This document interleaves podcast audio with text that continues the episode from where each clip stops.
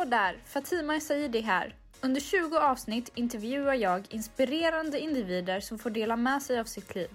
Bakom kulisserna finner ni även Bianca Thorén som preppat oss med alla intervjufrågor. Fortsätt lyssna och låt oss tillsammans ta reda på 20 råd innan 20.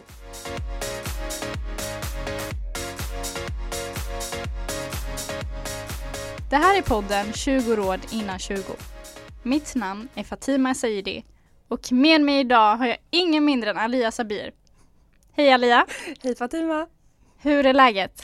Du, det är riktigt bra. Hur är det med dig? Skönt att höra. Det, det är bara bra med mig. Det ska bli väldigt kul att få prata med dig. Ja, det ska bli jättefint. Vill du berätta lite vem du är? Ja men absolut. Jag, jag heter Alia och jag är 23 år gammal och jobbar som Head of Sustainability and Startup Space på Hetch, Helsingborgs Tech House. Mm. Och vi känner faktiskt varandra sedan innan. Vill du berätta hur? Ja men såklart, du har ju gått ett av, eh, ett av mina program på Hetch, Techship, som handlar om att unga talanger får komma in och ta för sig i techbranschen. Mm, precis. Så Mm. att jag gick ett startup-program kan man säga Absolut. eh, på åtta veckor. Yes. Eh, och det var väldigt lärorikt. Mm. Och jag hade kanske en och annan mental breakdown som du fick uppleva. Ja, och det är det som är, det är, det som är tanken med Techship. För att vi tar in, vi väljer ut 25 unga talanger varje år och där du var ju en av de här utvalda unga talangerna som får testa att driva en startup och få se vad det faktiskt innebär att ta en idé till prototyp. Och det är ingen enkel resa. Många tror ju att det räcker med att bara ha en idé och sen så kan man liksom sälja den till någon eller få massa pengar för den. Ehm, det vi försöker lära ut med Techship det är att få unga att förstå vad det innebär att ta ansvar för sina idéer. Och eh, ja men det är många som kommer ut eh, med mycket, mycket kunskap kring den här processen. Mm. Mm. Och jag tyckte också att resan handlar väldigt mycket om personlig utveckling. Definitivt, definitivt. Jag blir glad att du säger det för det är det vi fokuserar väldigt mycket på också. Men eh, vad var det, vad var det, vad är det liksom du känner att du tar med dig mest som du fortfarande har med dig än idag? Ehm, att inte ta livet för seriöst. för jag trodde liksom från början att det går typ att rädda världen på åtta veckor. Att vi skulle komma på en affärsidé och vi skulle ha en färdig prototyp och ta över världen Exakt. efter åtta veckor. Men det går inte riktigt. Precis. Det är inte Precis. så det funkar. Precis. Och det med all liksom ödmjukhet. Eh, det är, vi inspirerar ju fortfarande till att få, få unga att förstå att världen är din och du kan göra eh, precis vad du vill i den här världen och du kan bygga liksom nästa Spotify eller eh, ja, men till och med nästa Apple eller vad din dröm nu än kan vara. Eh, Men det, med det sagt så måste man också ha respekt för processen det innebär att göra det, att bli nästa Elon Musk till exempel då, som många unga drömmer om, eller bygga nästa Tesla och allt vad det nu än kan innebära. Det är att få respekt för processen och förstå vad det innebär att ta ansvar för sina idéer, att ta ansvar för sina drömmar. Och det är inte alltid så lätt, så man får lite av en så här reality check samtidigt som man känner sig så säger jag man, som man känner sig, men du får ju utgå själv från det också för att jag vet ju att du kom ut mycket klokare och eh, mer insiktsfull kring vad du vill göra eh, i livet på ett eller annat sätt. Mm. Jag tror ibland att man måste testa någonting för att sen kunna avgöra ifall det var något man gillade eller inte. Exakt. Exakt. Men om vi går tillbaka lite Mm. till din barndom. Mm. Hur hade du beskrivit den lilla Alia? Den lilla Alia hade jag beskrivit som väldigt energisk, väldigt glad och självständig. Mm. Mm. Och du är stora syster. Eh, Det stämmer, jag är stora syster och till Anar och Aslan, det är mina yngre bröder. Mm. Mm. Du är också stora syster. Ja, alltså vi är ganska lika på många sätt. Eller hur? Hur många syskon hade du? Det var två. Två. Två, Mm. två syskon. Är det en syster och en bror? Mm. Just det. Mm. Tycker du om att vara stora syster? Eh, oj, jag har nog aldrig fått den frågan innan. Alltså på ett sätt så tycker jag om det för att det formar ju väldigt mycket vem man är. Just det. Eh, att man tar ansvar och Mm. eh, tar hand om sina småsyskon. Men på ett annat sätt så hade jag önskat att jag hade ett st stora syskon. Mm. Du då? Ja, jag trivs i rollen. Mm. Men det gör jag nog också för att jag inte vet vad det innebär att ha ett annat storasyskon. För att eh, jag är också äldst av alla kusiner, jag har många kusiner. Och jag är också äldst. Så jag har fått liksom ett ansvar på, på många olika plan. Jag känner att det är ärofyllt att få vara stora syster eh, och få vara med och inspirera mina småsyskon till att någonstans kanske vara den de är idag. Um, men det har också inneburit mycket annat när vi var små. Hur gammal var du när du blev stora syster? Ja men jag var sex år när jag blev stora syster för första gången. Och uh, något år senare så fick jag bli stora syster igen och jag var ju superstolt. Jag kommer inte ihåg så mycket mer än att jag var superstolt över att få vara stora syster och tänkte liksom, ja ah, men nu det är vi tre mot världen. För att vi har haft en väldigt turbulent uppväxt på många olika sätt och när jag var nio år så var det bara jag, min mamma och mina bröder. Och min mamma hon är hon är liksom min solstråle i livet, hon är min kraft i livet. Och under den perioden så fick hon göra väldigt mycket för att, för att vi skulle ha det bra. Hon jobbade dagar, nätter, eh, dagar och nätter samtidigt vilket gjorde så att jag behövde steppa in och ta ansvar för mina bröder. Det var jag som tog dem till skola, jag som tog dem till dagis, jag som gjorde läxorna med dem och när mamma jobbade nätter så var det så att jag fick liksom dra min madrass in till deras sovrum och sova, sova med dem och, för att de var ju rädda för mörker och de ville ju ha mamma nära men då var det, då var det jag där. Så fick jag läsa godnattsagor för dem och, och, och och liksom vara den här tryggheten som de behövde så att de inte skulle vara rädda för mörker. Eller se att de var liksom um, Nej men så att de inte skulle vara rädda för mörker och så helt enkelt. Och det var jättefint, jag var väldigt stolt över det här men eh, jag var ju också väldigt rädd för mörker. Jag kunde ju själv höra liksom ljud som kom utifrån eller från något annat rum och jag var ju livrädd, jag var liksom nio år men det här skulle jag aldrig visa för mina bröder utan så här, de var trygga med mig. Så det, Ehm, det var den typen av ansvar jag var tvungen att gå in eh, och ta väldigt tidigt. Och det har ju såklart format mig väldigt mycket som person och format min relation till mina bröder. Jag tar ju mycket ansvar för dem. Än idag, även om de är vuxna. Fast på ett annat sätt såklart. Nu är vi ju mer som kompisar än något annat. Mm. Mm. Jag tänker många av de här egenskaperna mm. som du beskriver, att du var kärleksfull, omhändertagande, eh, brydde dig väldigt mycket om dina syskon. Mm. Det har du såklart kvar än idag. Men skulle du också säga, eller känner du att du har förändrats väldigt mycket som person sedan dess? Ja, självklart. Ja, ja, absolut. Jag är ju... Jag... Um, jag har förändrats sedan jag var nio år. Men du tänker ifall... Um, vad, vad är det för nya karaktärsdrag som har kommit in i ditt liv? Nej men jag är ju vuxen nu. Och vad innebär det? Ja men jag, jag eh, Ja fan vad innebär det? För mig innebär det att jag men jag vet inte vad det innebär för mig. Vad innebär, jag, jag, jag är ju inte nio längre och jag behöver ju inte jag behöver ju inte längre Eller jag vet, jag vet vad jag ska svara. Jag tror den största skillnaden för mig är nog att få släppa taget lite. För att när jag var yngre, ett barn, så var jag väldigt, väldigt protective av min familj. Min mamma, mina bröder, eh, väldigt beskyddande på olika sätt. Och väldigt, väldigt mån om att eh, ta hand om dem, se till så att de alltid är glada, de alltid mår bra och att familjen liksom att det går bra för familjen på olika sätt. Kinder tog mycket ansvar. Eh, både emotionellt men också praktiskt. Och det kan innebära massa olika saker. Och att bli vuxen för mig innebär att ha tillit till att mina bröder och min mamma, de klarar sig. Och de klarar sig utan mig också. Så det är nog det som Ja men det är det som, att, att vara vuxen för mig har nog handlat väldigt mycket om det. Att de klarar sig och jag klarar mig.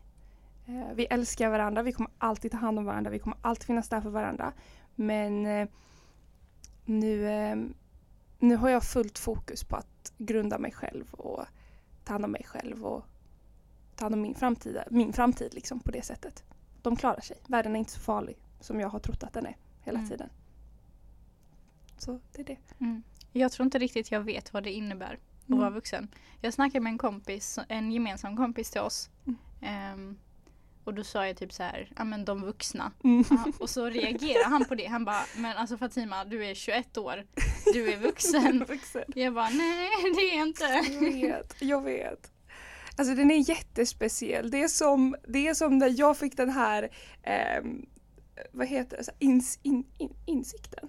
Ja, Mm. insikten. För när jag var ung så var jag sån, eh, jag, jag hade en väldigt ehm, rebellisk period när jag var runt så här 16 till, ja, runt 5, 14, 15, 16, något sånt. Där jag, ja men så här, allting, allt som går dåligt, det är de vuxnas fel och du vet var skitarg på alla vuxna och den här, men inte riktigt mentalitet, offermentaliteten så, men den här idén om att vuxna typ är trash. Nej men vuxna kan vara eh, en, en besvikelse. Eh, eh duktiga på att svika. Den tog jag liksom med mig tills den punkt att jag insåg när jag var typ så här 20, bara shit, jag själv är vuxen nu. Eh, allting som jag har sagt, det här gäller mig också.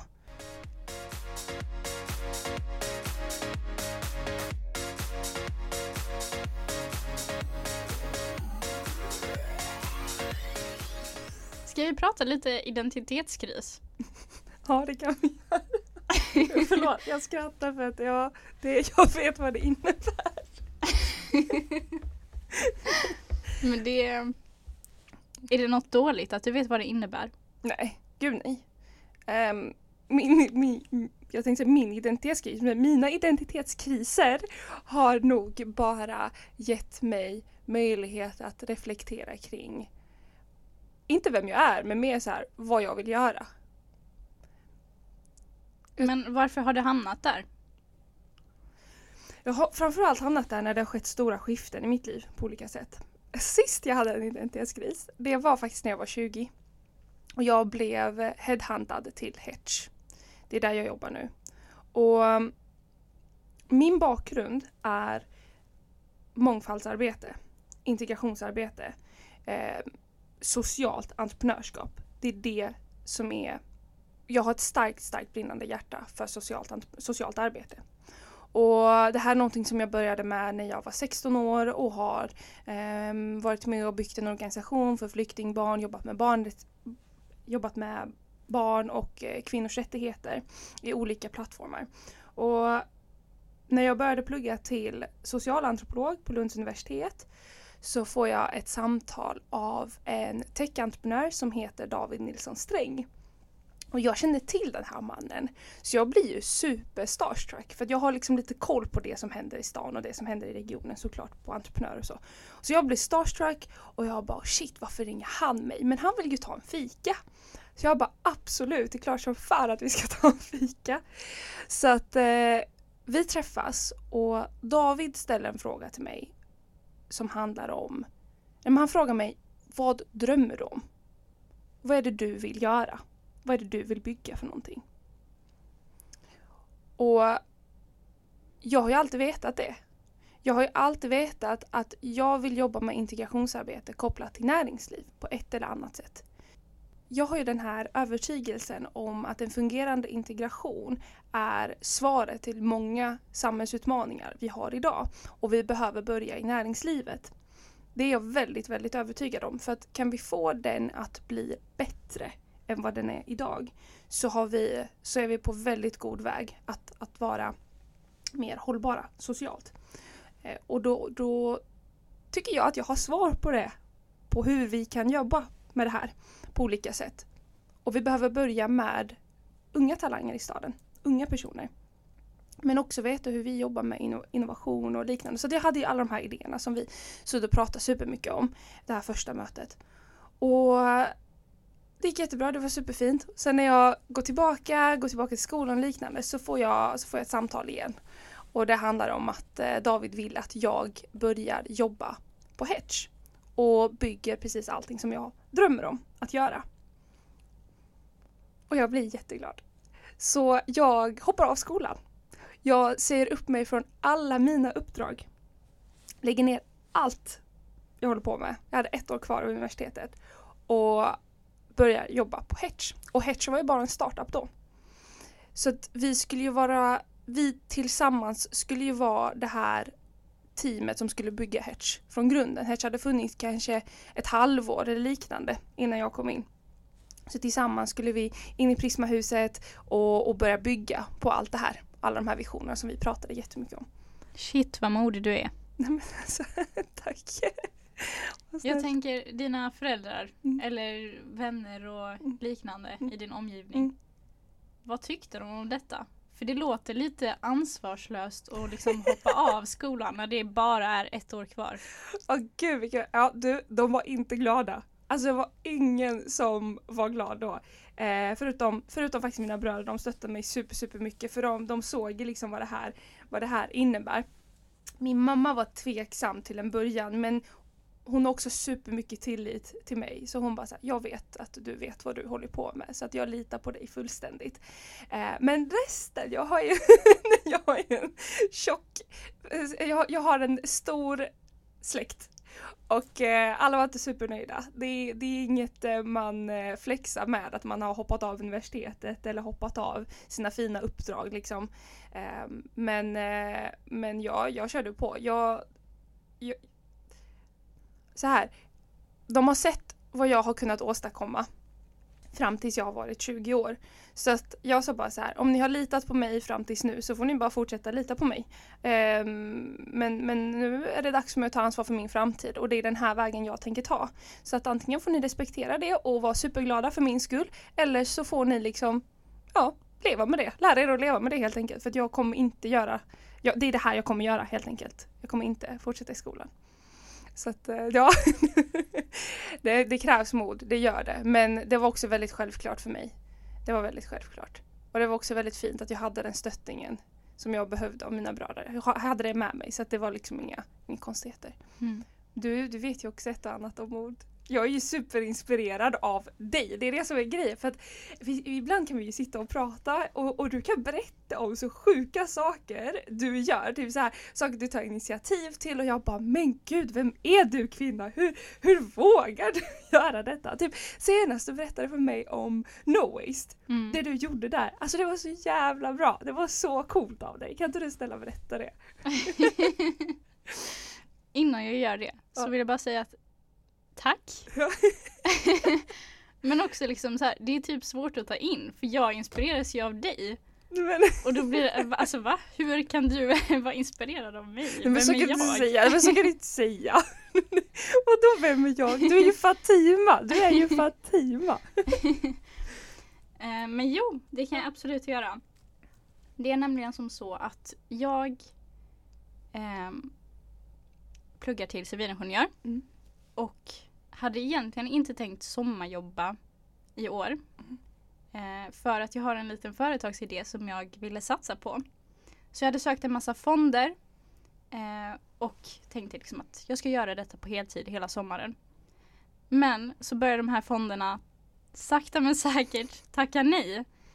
Eh, och då kände jag att jaha, jag kanske ändå ska satsa på något sommarjobb trots allt. Och då var det i mitten av mars. Så alla ansökningar hade redan stängt. Mm. Så jag fattade direkt att jag kan inte söka sommarjobb på det vanliga sättet. Mm. Jag måste göra någonting annorlunda. Mm. Så jag gick in på LinkedIn och hittade en Johan. Jag vet inte riktigt om vi var kompisar eller så här, connectade på LinkedIn innan detta. Eller om eh, jag skickade iväg det samtidigt som jag skickade förfrågan. Men jag skrev så här. Hej Johan. Just nu är jag på jakt efter ett sommarjobb med strategisk karaktär. Du sitter kanske inte och väntar på en Fatima i ditt liv. Drömjobbet är managementkonsult, men att jobba som exempelvis din assistent känns tillräckligt nu. Och någonstans när jag skickade det här smset så tänkte jag att alltså han är en VD. Han kommer aldrig läsa det här. Jag kommer aldrig behöva stå, för, stå till svars för det här smset. Just det. Just det. Men det dröjer tre minuter. Och sen har han redan svarat. Och då skriver han Jag har alltid letat efter en Fatima i mitt liv. Låt oss boka in ett möte så ser vi vart det leder. Oh my god! Det är så sjukt. Det är jättesjukt. Alltså, jag undrar fortfarande varför jag gjorde det och hur han kunde reagera och bara Åh, ja, vi tar in henne. Hon verkar lite galen. Nej men exakt, det är exakt det det handlar om. Du vågar ta initiativ, du vågar följa din nyfikenhet, du är modig. Eller rättare sagt, du vågar Ja men det krävs ju mod för att, för att liksom följa sin nyfikenhet. Och det är exakt det du gjorde. Mm. Men jag kände mig inte så modig när jag gjorde det. Mm. Jag, jag bara skickade iväg någonting. Du bara gjorde det. Men det är kanske är det mod handlar om. Nej men, men man kanske inte alltid är så medveten när man är modig. Mod handlar ju just om det. Att bara göra. Kanske inte reflektera så mycket i stunden. Kan reflektera sen.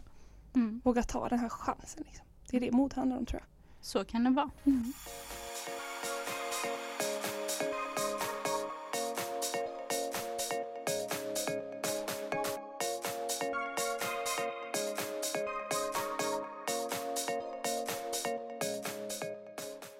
Och att du vågade vara modig och ta dig an Hetch-utmaningen har ju lett till en och annan utmärkelse.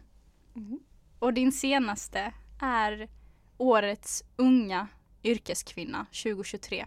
Ja, Stort grattis! tack så jättemycket. Hur känns det att få en sån här utmärkelse? Väldigt fint. Jättefint.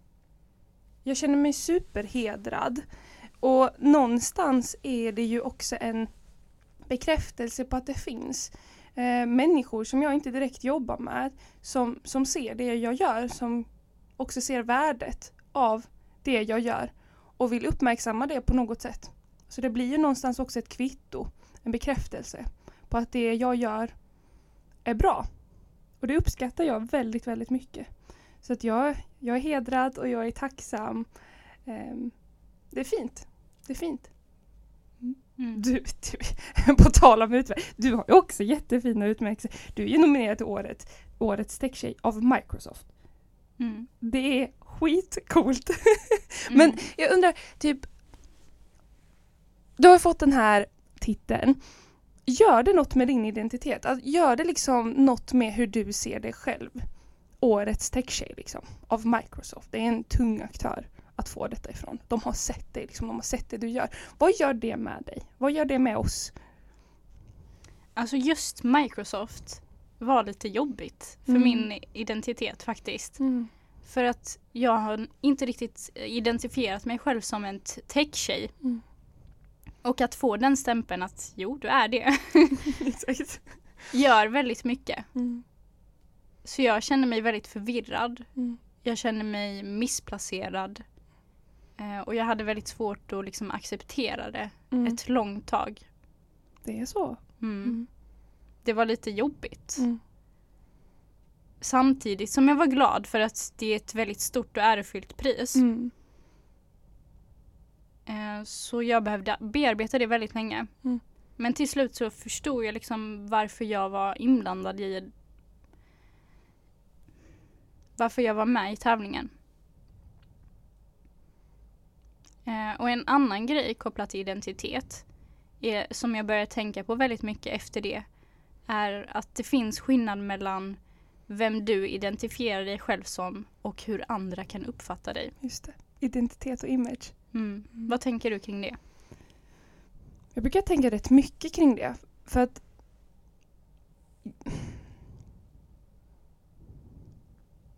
För det går väldigt mycket hand i hand med att få då de här fina utmärkelserna som så här, årets techtjej eller årets yrkeskvinna och allt vad det nu det innebär. Och det gör ju någonting med vår image och det gör ju någonting med vår identitet. Och jag, jag tänker att många gånger så uppfattar jag mig själv som en viss person.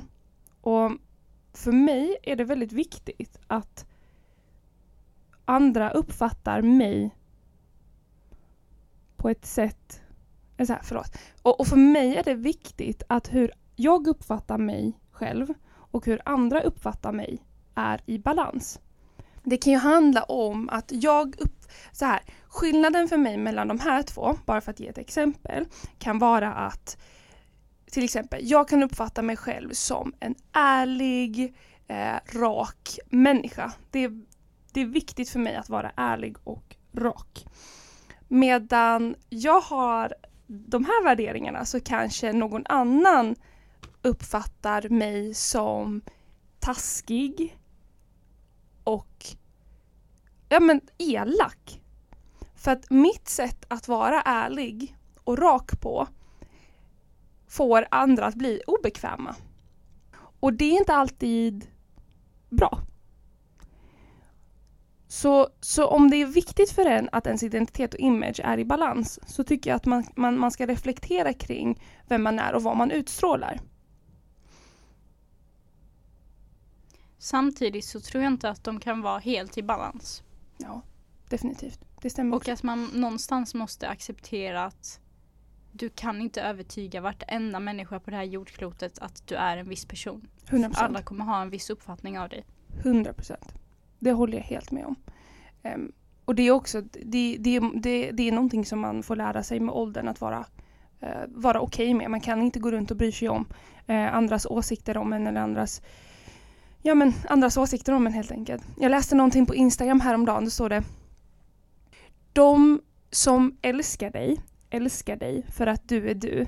Och de som ogillar dig, ogillar dig för att du är du. Men det jag sa innan, det här med att det är viktigt för mig att min identitet och image är i balans. Det är att jag reflekterar kring hur, i och med att jag jobbar i en bransch där jag träffar så många människor dagligen, möter människor från, eh, ja men faktiskt från alla världens hörn och kanter med helt olika typer av bakgrunder, entreprenörer, då är det viktigt för mig att jag uppfattas inte uppfattas, utan att jag är en person som är inlyssnande, motiverande, inspirerande och ärlig. Eh, men på ett sätt som är respektfullt. Och ifall det, det finns människor som då känner att det, det här inte det inte är på det här sättet, då, då är det viktigt för mig att lyssna in den här feedbacken. För det är viktigt för mig i mitt professionella yrke. Eh, sen får man ju välja vilket feedback man väljer att lyssna på eller inte, men det är tillbaka till det här vad man väljer att lägga kraft vid. Mm. Mm. Jag har två frågor. Mm.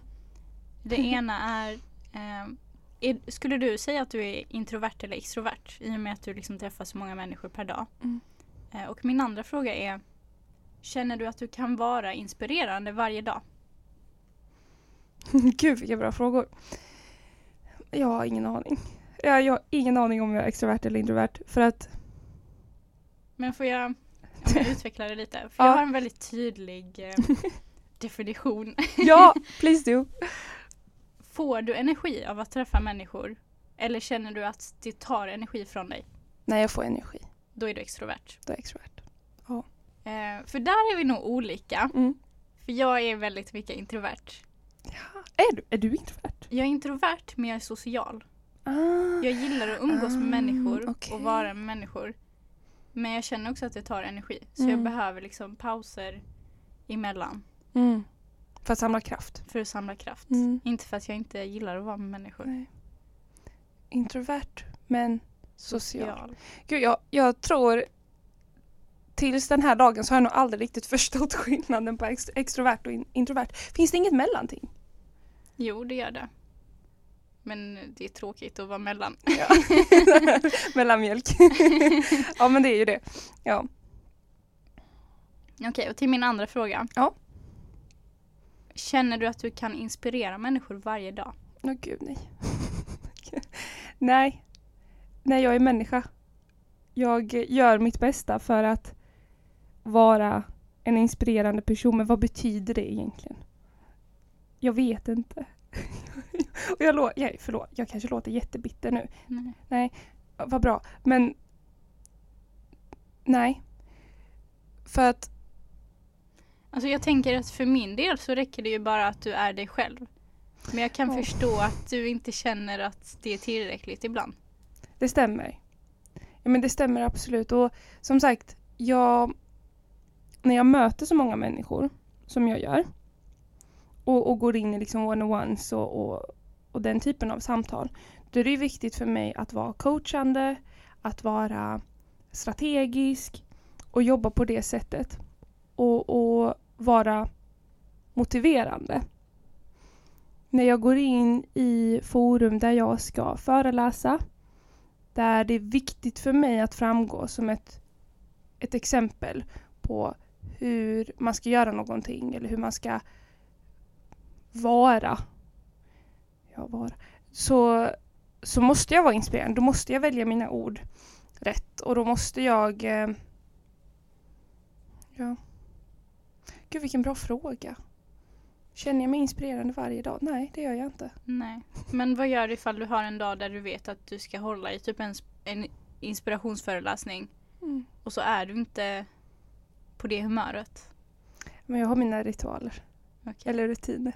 Jag, jag har grejer jag gör innan för att get in the right headspace. Så att, eh, för någonstans handlar det om att jag känner mig inte inspirerande varje dag. Jag, jag går inte och reflekterar kring mina prestationer varje dag eller det utan jag, jag, är väldigt, jag försöker väldigt mycket vara i, i stunden. Men när jag ska gå in och ha att och prestera, till exempel vara på scen eller föreläsa eller träffa en väldigt viktig kund på, på något sätt så grundar jag mig själv, övar tacksamhet och liksom omfamnar det jag är kapabel till. Och det är inte alltid att jag går in och funderar på åh, jag har gjort det här. Eh, nu är jag bäst. Eller nu, nu... Alltså det är så här. Det är inte att jag alltid går in och funderar kring åh, nu har jag byggt det här programmet eller nu har jag gjort det här eller nu har jag fått den här utmärkelsen. Absolut inte. Utan det är mer så här. eh, jag vet vad jag är kapabel till och jag ska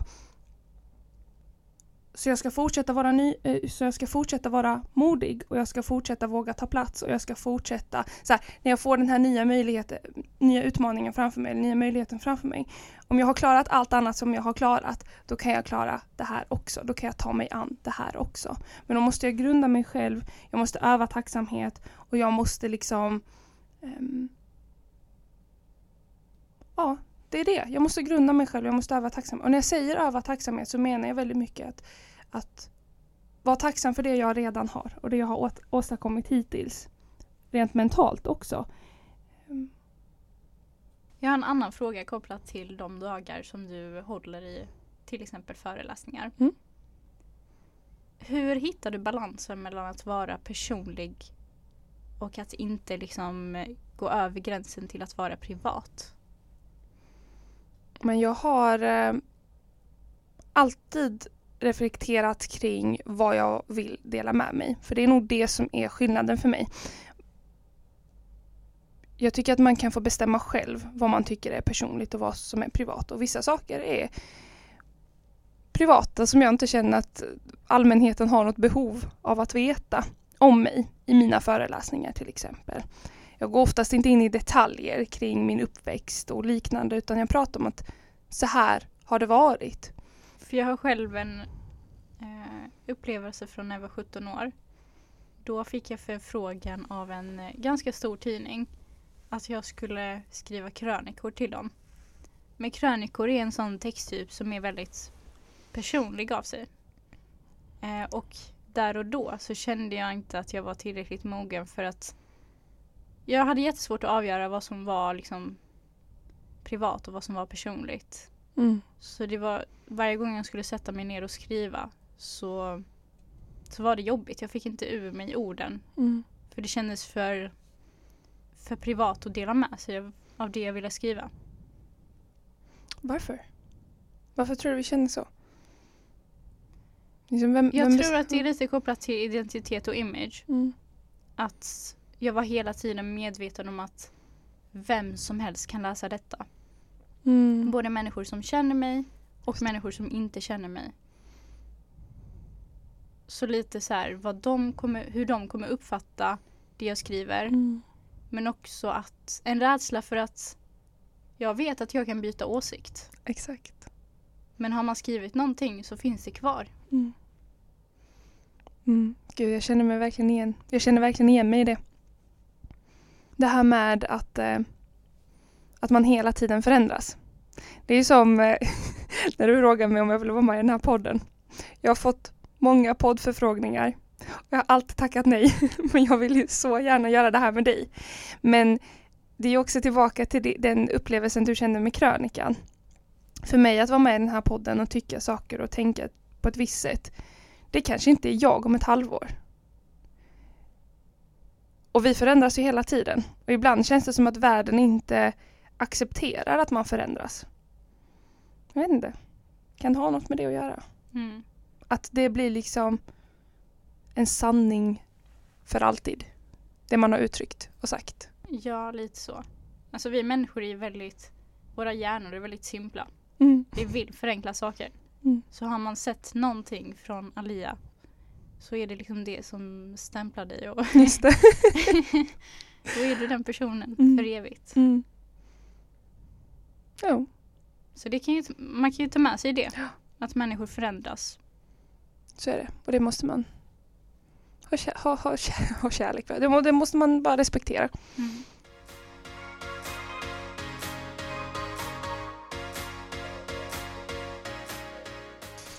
Om vi går tillbaka lite grann till den lilla Alia.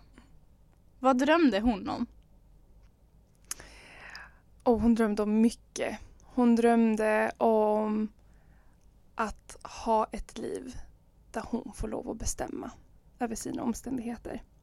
Jag minns att när jag var riktigt liten, så här fem år, så när folk frågade mig vad vill du bli när du blir stor? Så gick jag alltid runt och sa att jag ska bli president. För att i mitt huvud så var det bara presidenter som hade makt för att förändra saker. Och jag var ju inte alltid jättenöjd över hur livet såg ut och så. Men jag tänkte inte att jag ja, jag behövde vara president helt enkelt eh, för, att, eh, för att förändra det. Och anledningen till att jag säger president och typ inte statsminister och sånt, det är för att när jag var fem, eh, fyra, fem så, så bodde vi i Azerbajdzjan. Det var ungefär den perioden vi också kom till Sverige. Och livet var inte jättelätt i Azerbajdzjan. Ehm, på olika sätt. Men och när, det, var inte så att det här förändrades så mycket när jag, när jag blev äldre utan eh, den här starka, starka viljan över att skapa mig en framtid som jag förtjänar, skapa mig en framtid där jag känner att jag har makten att skapa rätt förutsättningar för mig själv för att göra det jag vill göra eller jobba med det jag vill jobba med eller plugga det jag vill plugga med och liknande. Den, den har alltid varit väldigt stark inom mig. Och, och gud, jag, jag kom på en historia. Det här har jag, inte, det här har jag sagt till typ så här tre personer i hela mitt liv men jag vill jättegärna dela med mig av den. För att när jag var 14 så flyttade vi till Helsingborg och då var jag superförvirrad. Jag, jag kände ingen här och jag tyckte allting sög. Jag var så arg på så många människor för att jag inte fick bestämma över att så här, nu kom vi till Helsingborg. Liksom. Och någonstans under den perioden så fick vi besök av en familjevän. Och den här familjevännen jobbar som professor på något universitet utomlands. Och han, vi hade aldrig setts innan och han bara så här, du kom ska inte du och jag sitta och prata lite, vi, vi tar en kopp te tillsammans. Så satte vi oss ner i köket och så hade han tagit fram penna och papper. Och så frågade han mig ifall jag kan tänka mig att rita på det här pappret om vart jag ser mig själv om fem till tio år. Och du kan tänka dig att jag sitter där med någon så här universitetsprofessor i vårt kök och jag sner honom totalt. Jag bara, men vad fan, vad fan ska jag veta vart jag är om fem tio år? Jag är bara skitsur, eh, tjurig, bitter, sån typisk tonåring som har behövt flytta och lämna sina vänner, du vet allt det där. Eh, och han ber mig rita vart jag ser mig själv om fem till tio år. Men jag gjorde det. Jag började rita. Och jag ritade höghus. Tänk dig så här New York penthouse-stilen. Så jag ritade massa höghus. Och sen vid de här höghusen i horisonten så var det ett stort hav. Det var liksom vatten. Och jag ritade fåglar och i ett av dessa höghusen så ritade jag ett fönster och i det här fönstret så ritade jag en streckgubbe som symboliserade mig och ett skrivbord som jag liksom placerade streckgubben vid. Det var det som kom. Det var det som jag kände att jag skulle rita. Och den här vännen då frågade mig vem, vem, vem är den här streckgubben? Vad, kan du förklara för mig om, om vad det är du har ritat? Så gjorde jag det och sen sa jag att det här streckgubben det är jag. Men vad tänker du att du gör i det här höghuset då? Nej men jag tänker att jag jag ska jobba här. Det är här jag ska vara om 5 till 10 år. Och jag ska jobba med internationella relationer, jag ska jobba med mänskliga rättigheter och jag ska jobba med idéer. Han bara, vadå idéer? Jag bara, nej men jag ska jobba med, du vet när människor har så här massa idéer. Så ska jag jobba med detta. Jag vet, jag vet inte hur, jag bara tänker idéer. Och han bara, okej. Okay. Jag behöver att du skriver ner allt det här. Så jag skrev på baksidan av pappret. Eh, idéer, människor, mänskliga rättigheter, internationella relationer. Eh, och sen skrev jag mer beskrivligt att det skulle vara ett höghus, eh, det skulle vara havsutsikt. Jag skrev allting på det här pappret. Så sa han det att jag vet inte vart i Sverige det finns en sån här plats. Men om det är någon här som kommer ta sig till en sån här plats, då är det du. Och jag kollar på honom och bara, jag har absolut ingen aning om vad du snackar om. Men okej. Okay. Det var det. Så jag tog den här lappen. Så la jag den i, i mitt skåp. Jag har fortfarande kvar den. Och jag är där nu. Jag är där nu. För mig har det varit väldigt viktigt att förstå att jag har makt över mitt eget liv. Jag har, jag har makt. Och jag behöver inte vara president eller statsminister för att skapa den förändring som jag vill skapa. För mig själv, för min framtid, men också i den här världen. När det handlar om att göra världen lite bättre. Vad fint att höra. Har du något sista råd som du vill ge till en 20-åring? Våga följa din nyfikenhet. Och gör det du behöver göra för att förstå att du har makten över ditt eget liv. Du kan ta dig precis dit du vill. Och du kan förändra ditt liv till att se ut som det du drömmer om. Det är du värd. Det måste du förstå. Tack så mycket Alia. Tack Fatima.